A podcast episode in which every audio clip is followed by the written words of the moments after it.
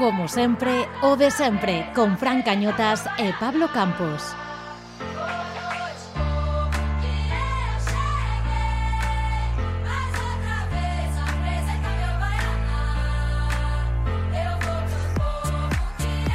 Ola, ola, que tal, señoras señores? Benvidos a este novo espazo de actualidade celeste. Como sempre, o de sempre, un podcast semanal no que debullaremos todo o que relaciona o fútbol e o Celta. Análise dos partidos, protagonistas, entrevistas, curiosidades, récords e moitos convidados que nos aportarán o seu punto de vista do que acontece ao redor do club. Señoras, señores, comeza, como sempre, o de sempre.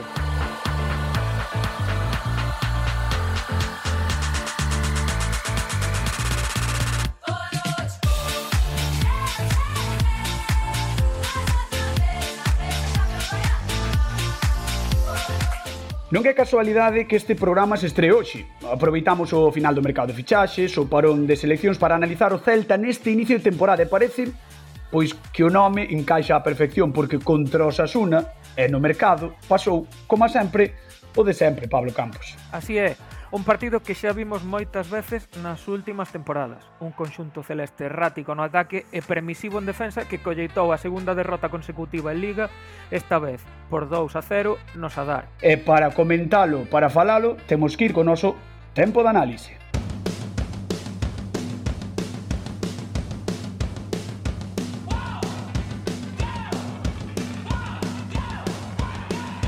Chicho e David Moldes, que tal? Benvidos. Hola, que tal? Moi boas a todos. Bueno, os irmáns molde sobradamente coñecidos, Chicho nos deportes da televisión de Galicia, David seguindo a actualidade celeste para Movistar Plus, pero é que tamén temos connosco a Borja Refojos de Atlántico Diario. Que tal? Boas tardes. Que tal, rapaces? Moi boas. Eh, eh, bueno, a primeira pregunta que vos queríamos facer así para este tempo de análise non do, do, do noso podcast é nada de nada no mercado. É dicir, menos que nada saiu Vadillo ao español. Chicho, que, que, que nos podes contar? pois unha decepción absoluta, porque durante moito tempo o adestrador pediu 4 ou 5 fichases, reforzar a columna vertebral do equipo, todos agardábamos sobre todo a chegada dun dianteiro, eh, negociación sí, pero, como dis, nada, de nada, de nada. Decepción. Mm, decepción. E ti, David? Sí, decepción. Decepción é a palabra, tanto no vestiario, porque os xogadores eh, con peso no vestiario están decepcionados porque o club prometera facer un esforzo como o adestrador. Óscar non comprende moito a decisión do club, el confiaba cando menos en un, dous, e ao final non, eh, non ven ninguén. O problema é que non veña ninguén. É que hmm. Óscar lle deixou claro ao club que el non contaba cunha serie de, de xogadores e o club tampouco conseguiu dar saída a esos xogadores. Borja Refojo, non sei que opinión ou que idea tes ti desde Atlántico Diario deste final de, de mercado de fichaxes do Celta? Bueno, unha idea evidentemente negativa, como, como non pode ser de outro xeito. Ao final, eh, todos agardábamos eh, unha serie de fichaxes que non, que non deron chegado, eh, e o pior, eh, tendo, tendo comprensión de algún xeito, puidendo entender as dificultades que ten este mercado de fichaxes tan marcado pola pandemia puidendo comprender que non compartir eh, esas condicionantes o que para min é inexplicable é que no último día de mercado saia un futbolista e non se amarre eh, un recambio para el. Eh, veremos que pasa agora, non sei se David ten información, eh, se pode chegar a algunha fichaxe de algún asente libre, pero pero se non é así, a verdade é que é incomprensible que salga un xogador e non, e non teñas un recambio para suplilo. É que realmente, realmente, eh, esta, esta saída de Vadillo ao español sen sequera chegar a debutar en partido oficial eh, deixa un pouco tocada de, de portas para fora a planificación deportiva do Celta e deixa a afición pois xa ves, eh, Twitter eh, esta noite estivo quente quente. É que eu creo que é do máis surrealista que pasou últimamente un xogador que viña de facer unha boa temporada co Granada, que fora 15 partidos titular co Granada, que era un revulsivo, que Óscar sempre dixo que era un perfil de xogador que non tiña o Celta, que o Celta fichou cando Óscar era o seu adestrador, uh -huh. e xogou media parte en pretemporada, cero minutos en temporada, e pasa a ser cedido a outro club. Eu, e do máis extraño e surrealista que vin últimamente no mercado. É un pouco parecido ao caso de, de Naranjo, non? É un, é un, un símil como lle pasara con, con Berizzo, un, un xogador que trae o club, pero que prácticamente non xoga, que sí que se quedou. Eh, eh, estivo xogando pois na UEFA, na Copa do Rei, pero nada de nada. Sí, pero Vadillo viña dun Granada que era equipo revelación de Liga e un Granada que se meteu en Europa e el aí non é que tivese un papel, digamos, de titular indiscutible no Granada, pero sí que estaba entre os 13 14 xogadores indiscutibles para Diego Martínez no Granada. Eh, interésame moito o que dixo Borja antes de non sei se David terá algunha información sobre o que pode pasar eh, con respecto a algún xogador que pode chegar fora do mercado de fichaxes, David. Home, estou convencido de que, de que vai haber fichaxe. Estou convencido. De feito, a Óscar xa se lle ofreceu dous xogadores, a un xa, xa o descartou e o podemos a, comentar é o dianteiro griego Constantinos Mitroglou eh, oh. e outro é un xogador que bueno eh, hai o Ruse Ruse xa polas redes eh, un xogador inglés Sturridge eh, que está inactivo por un problema de, de apostas deportivas pero bueno, a Óscar tampouco lle convence é un xogador que sí, que ten un bo cartel, que, que, que foi ofrecido ao Celta, que o Celta na dirección deportiva incluso plantesan a súa fichaxe, pero a Óscar non lle convence. Entonces, veremos, veremos hasta ata onde acepta Óscar. Óscar está convencido de que de que o club pode, puido facer algo máis, esa é a realidade.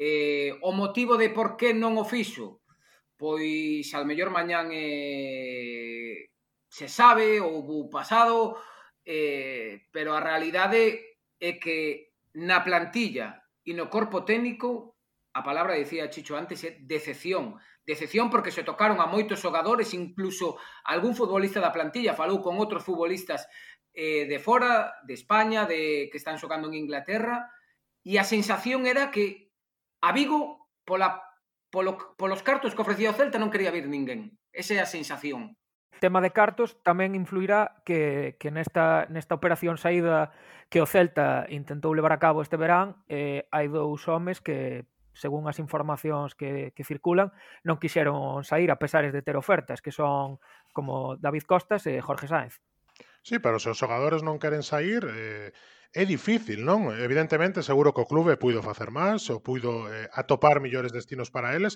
pero eu, eu sei que tiveron onde sair, eh, e eles preferiron eh, quedar no Celta, o cal tamén é moi respetable, porque, bueno, cada un ten que mirar polos, polos seus intereses, pero se non liberas masa salarial dificulta dificulta moito o conto, non?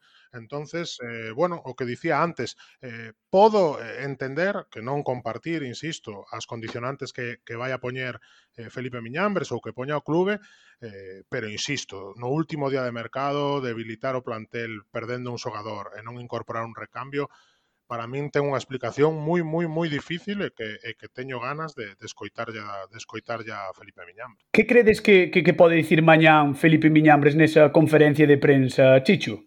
Eu creo que nada. Creo que nada porque non é unha rolda de prensa. É simplemente un cuestionario. Pasamos preguntas un día antes, son preguntas que van a estar filtradas, son preguntas que van a estar preparadas as súas respostas. Non vai ser que Miñambres dá unha resposta non convence e podemos repreguntar. Non, é un cuestionario, entón nun cuestionario que haxa algo bomba imposible, imposible, salvo que queira mandar unha mensaxe Miñambres, co cual vai ser pois unha serie de tópicos de non se chegou a un acordo, houve negociacións abertas, ao final hubo pequenas diferencias, mm, infinitos tópicos nesa rolda de prensa de pseudo rolda de prensa de Miñambres. E, e, e, David, non sei, non sei que, que che parece a ti todo isto de que se cancele o adestramento de hoxe, non sei se tes algo que, que nos poidas contar ou poñerlle un pouco de luz ao que vai pasar esta tarde no Celta. Na, eu creo que esta tarde non vai pasar nada. Óscar, eh, pola, pola cabeza de Óscar non pasa a dimitir. Eh, que, que, é algo, que é algo que sí que tamén circulou polas redes sociais, non sei, non sei se lle pode dar credibilidade algunha, pero circularse que circulou. Ah, porque as redes sociais a veces alimentan os pequenos bulos. Uh -huh. E, e, eu fun dos que a principio de semana, cando o Celta colocou o plan de traballo, dicen que me parecía unha barbaridade. En semana onde non hai liga, facer doble sesión de traballo. Sí, pero sen embargo pasa, pasa a mércores e sobes. Mércores e sobes vai sí, a haber sí, sí. doble sesión. Pasan a, a, a, a sesión vespertina de, de hoxe a pasan o, o xoves. Claro, es, es que esa é a diferencia. O equipo, en principio, iba a descansar xoves, venres, sábado e domingo. Catro mm. días. Entonces, en vez de descansar catro días, o que fai o corpo técnico é anular o adestramento de, desta de tarde e desplazar a, o adestramento dos xoves a Balaídos, que veremos se é para xogar un partido ou para facer táctica. Realmente ese, ese non vai ser un adestramento dos habituais da Madroa, porque senón o equipo non iría a balaídos. Pero máis alá diso, eh, falabades antes de eh, David Costas e Jorge Sainz non quixeron sair. Esa é unha media verdade. Iso, iso, é, iso é o que filtra o club interesadamente, porque Jorge Sainz si sí quería sair, pero non quería sair a donde o Celta quería que el marchara. E Costas si sí quería marchar, pero quería marchar coa carta de liberdade. E o que non quería era volver a salir cedido, repetir a historia das últimas temporadas. Entonces, claro, a película hai que contala eh, con toda a realidade, digamos, non con quedarse solo co, co que filtra o club para defender os seus intereses, porque eu sei de, de boa fonte que Jorge estaba disposto a volver a Valencia. Sí, porque parece un pouco que, que, que os malos neste caso que eran os xogadores, pero non os malos son tan malos e os bons son tan bons, non? Na realidade. Bueno, creo que a estrategia habitual de negociación do Celta, que é un club que exixe moito os xogadores que queren sair ou que queren rescindir o contrato ou marchar cunha cesión e, e despois sempre pide moi pouco cando quere fichar un xogador sabes, ten aí como o, o, o Celta uf, un pouco incoherente na súa estrategia ou, ou moi coherente economicamente cando quere liberar fichas exíxelle moitos xogadores e, sin embargo, cando quere fichar ou buscar cesións pídelle moi pouco aos outros clubs. É unha estrategia habitual do Celta, se vemos as últimas temporadas, o que lle pasou agora a Costas e a Jorge é habitual no Celta con outros xogadores. Tema agora que comentas, Chicho, tema fichaxes, Eh, pasoulle que esperou ata o último momento con Murillo, saiulle ben, pero parece que, que non lle saiu tan ben o tema de, o tema de Rafinha que ao final xogará, xogará no, no PSG. E, e, e, outro, e outros nomes que houbo que por cantidades quizáis ridículas non chegaron a Vigo. Uh -huh. Sí, pero bueno, máis sonado non o que agardaba todo o mundo que se dicía era o de Rafinha e ao final ves que marcha a un grande o, o, o subcampeón de Champions non por nada, directamente por nada. Entón, deixa todo o mundo un pouco frío. Bueno, por nada, por nada pero pretendo. haberá que ver a ficha que cobran París. Claro. No, haberá... cobra una televisión de Galicia, Rafiña.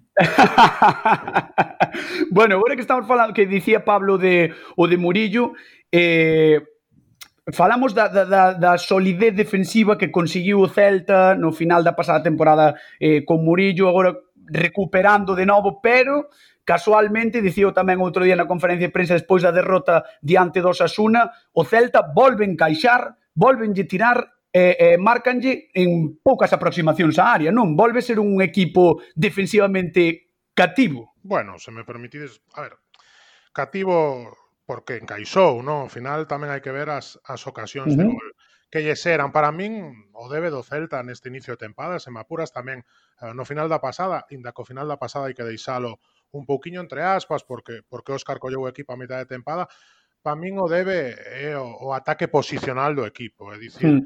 eh, cando ten que levar o peso en ataque de posición, non así en transicións, porque cando roba e sae, bueno, é capaz de é capaz de, de ter perigo, pero cando ten que levar o peso, cando ten que eh, atacar en, en, en ofensiva organizada, o Celta custalle eh, moito xerar ocasións. E, o, o vimos o, outro día en Pamplona, tamén contra o Valladolid, por suposto, tamén contra o Barça dentro de que é un partido máis aberto, Um, pero creo que ese, eh, para min, é o problema principal do Celta neste inicio de, de tempada. Por eso coido que, que é un aspecto colectivo que, que o adestrador e os xogadores teñen que traballar e teñen que mellorar, e estou seguro de que, ademais, eh, así vai ser e así o van facer, eh, que, que tiña dúbidas de que se pudera resolver pois coa, coa chegada dun só xogador, non? E, e máis eh, mm. falando un dianteiro centro que, que ao final o, o perfil que se estaba pedindo dun dianteiro centro rematador iba a aumentar sen dúbida a, a definición do equipo de cara a portería, pero pero se non lle chegasen se non lle chegan balóns para rematar iba a ser complicado, non? É o que sempre digo, como como nun restaurante,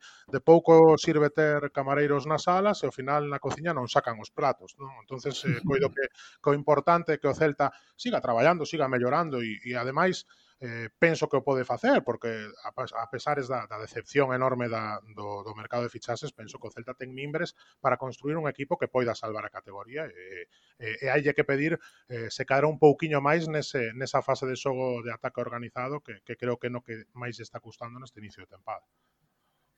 Eu coincido con Borja, porque preocúpame máis a imaxe do Celta en ataque que en defensa, porque en ataque ves que un equipo previsible, pouco dinámico, pouco vertical, sen capacidade de sorpresa, sen desborde na banda.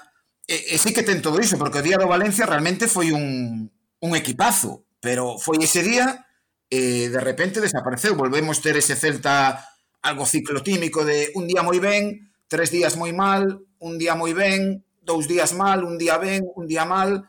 Faltalle moita regularidade e para min o gran problema é máis en ataque que en defensa. Sí, sí, totalmente. Ademais, eh, cada vez máis, eh, co paso das últimas temporadas, estáse creando esa aspas dependencia que parece que, que se aspas non inventa unha xogada, eh, arriba no, non pasa nada, non? Sí, porque eu creo que aparte neste mercado de fichaxes o que todo o mundo vota de menos é un dianteiro, porque todo o mundo di e que pasa se Aspas se, se lesiona?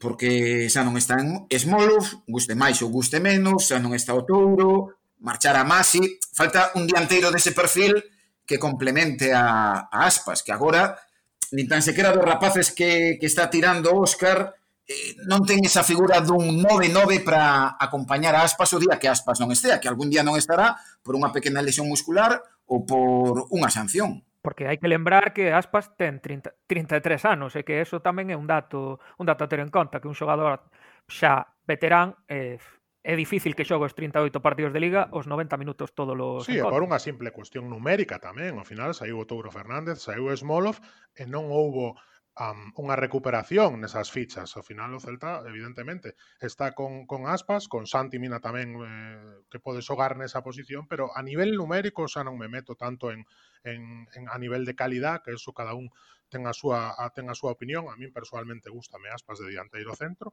pero eh, a nivel numérico era era necesario ter, ter fichado un xogador eh, para esa posición que desgraciadamente, polo menos polo de agora, ainda non chegou. Eh, por ir pechando un pouco este tempo de análise do que nos quedan uns minutiños, eh, os canteiráns, falabades agora dos canteiráns, eh, credes que é unha aposta de Óscar? Pregunto por se sabedes algo máis, ou é unha mensaxe directiva? É certo que nos emociona moito, non? Cando saen nos equipos os canteiráns, eh, Rodríguez, Gabriel Veiga, José Fontán, van xogando e diste, pois pode haber talento para o futuro, pero é demasiado arriscar, é unha, é unha mensaxe de, de Óscar eh, os que teñen que fichar, eh, que nos comentades, David, por exemplo?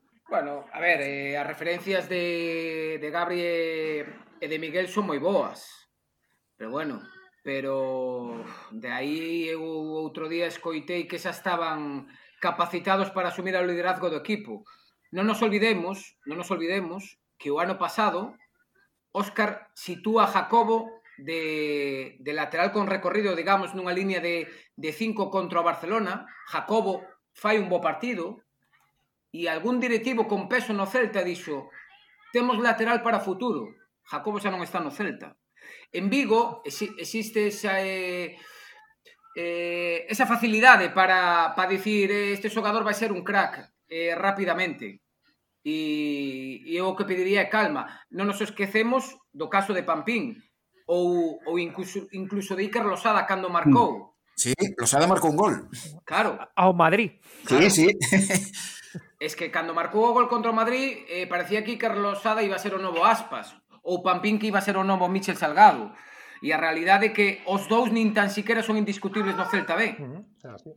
eh, que eu, bueno, te, te, polo chollo teño, teño a sorte de poder ver bastante o, o, o juvenil e tamén o Celta B hai que ter tranquilidade. Evidentemente son rapaces que teñen eh, moi boas condicións. Ao final Gabri Veiga eh, non hai que esquecer que Gabri Veiga o brao pasado estaba no juvenil B case sin minutos no, no juvenil A de División de Honor ata que os irmãos Montes eh, o rescataron eh, dese ostracismo e apostaron por el para o filial e o rapaz creceu e creceu moi ben e vai seguir crecendo porque porque ademais é un xogador eh, igual que a Fontán eh, coa cabeza moi ben amueblada, con moi bo entorno, eh, con, con moita humildade, moita capacidade para o traballo e para a mellora, pero, pero xa o dicía David, hai que ter tranquilidade cos rapaces, hai, hai que deixar que vayan medrando, evidentemente se teñen oportunidades moito mellor, eh, eh, son xogadores que, que poden aportar eh, pouco a pouco. Agora, darlle o peso totalmente do, do equipo e sobre todo se a situación eh, pois ben con curvas ou, ou ben maldada, bueno, eh, pode complicarlles eh, pode complicarlles a vida como xa aconteceu con, con Iker Losada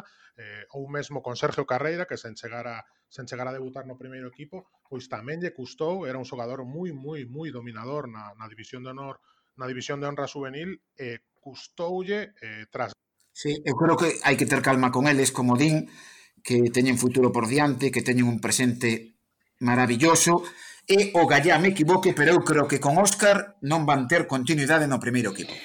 Bueno, pois aí quedan as vosas impresións que, que non son pataca minuta, non como dicía Caneda, porque son as voces autorizadas do, do deporte vigués, eh, do celtismo tamén, e para nós é un auténtico placer empezar este como sempre o de sempre con bolos tres, porque sodes auténticos referentes, así que moitísimas gracias por pasarvos por aquí, por estes 20 e poucos minutiños de sabiduría celeste e, e verémonos ou nos bares ou en Balaídos ou onde nos teñamos que ver. Moitas grazas aos tres por estar connosco. Veña, unha aperta. Veña, aperta. Chao, chao. Graciñas.